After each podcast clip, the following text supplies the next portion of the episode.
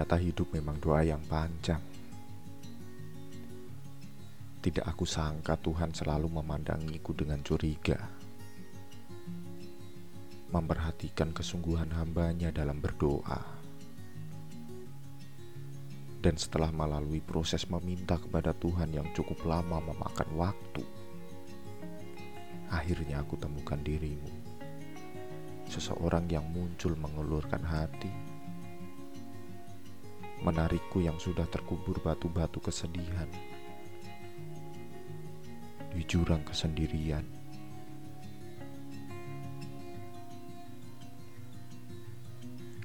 Untuk terus berdoa, memohon kepadanya adalah proses yang cukup berat.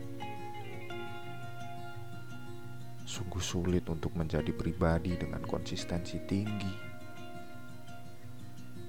apalagi untuk meyakinkan diri.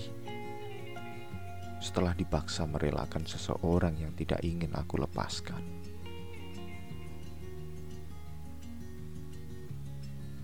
lewat monolog,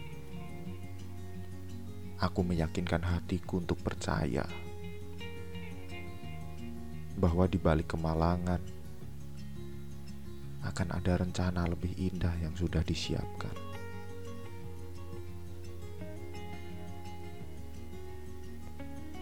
Kita berdua punya cara pandang yang berbeda pada banyak hal.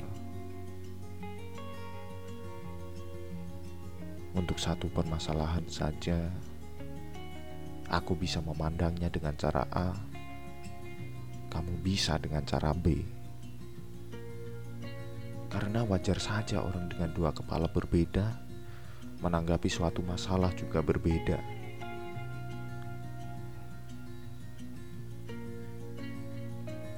Yang aku suka darimu adalah cara penyampaianmu yang sangat dengan mudah aku terima.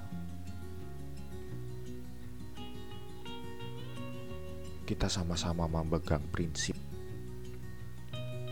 bahwa segala hal tidak harus diiakan jika dalam hati memang tidak berkenan.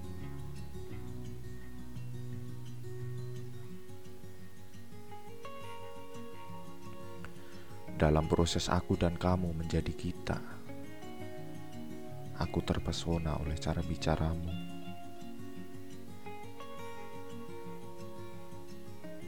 Aku begitu kagum padamu saat kita membicarakan hal-hal remeh yang sebenarnya tidak penting untuk dibicarakan. Hal-hal yang bodoh Entah kenapa saat dibicarakan denganmu menjadi lucu.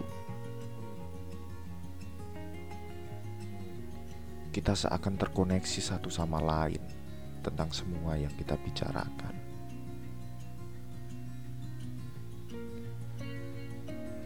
Dan lagi, aku juga bukanlah manusia sempurna. Menemukanmu yang mau menerimaku seperti apa adanya keadaanku membuatku menjadi seseorang yang lebih tenang.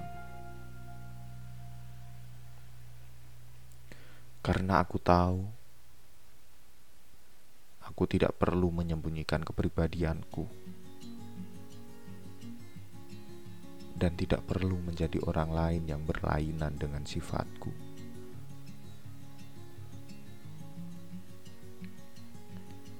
Aku adalah orang yang percaya dengan harapan tapi begitu takut akan kekecewaan.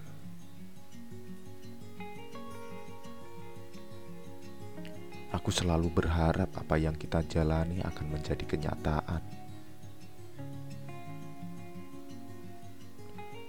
Harapan tertinggiku tentu saja kita bisa mewujudkan semua yang kita janjikan.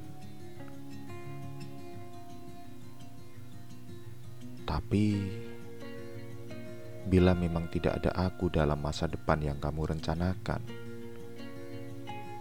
Sebaiknya kamu pergi dari sekarang.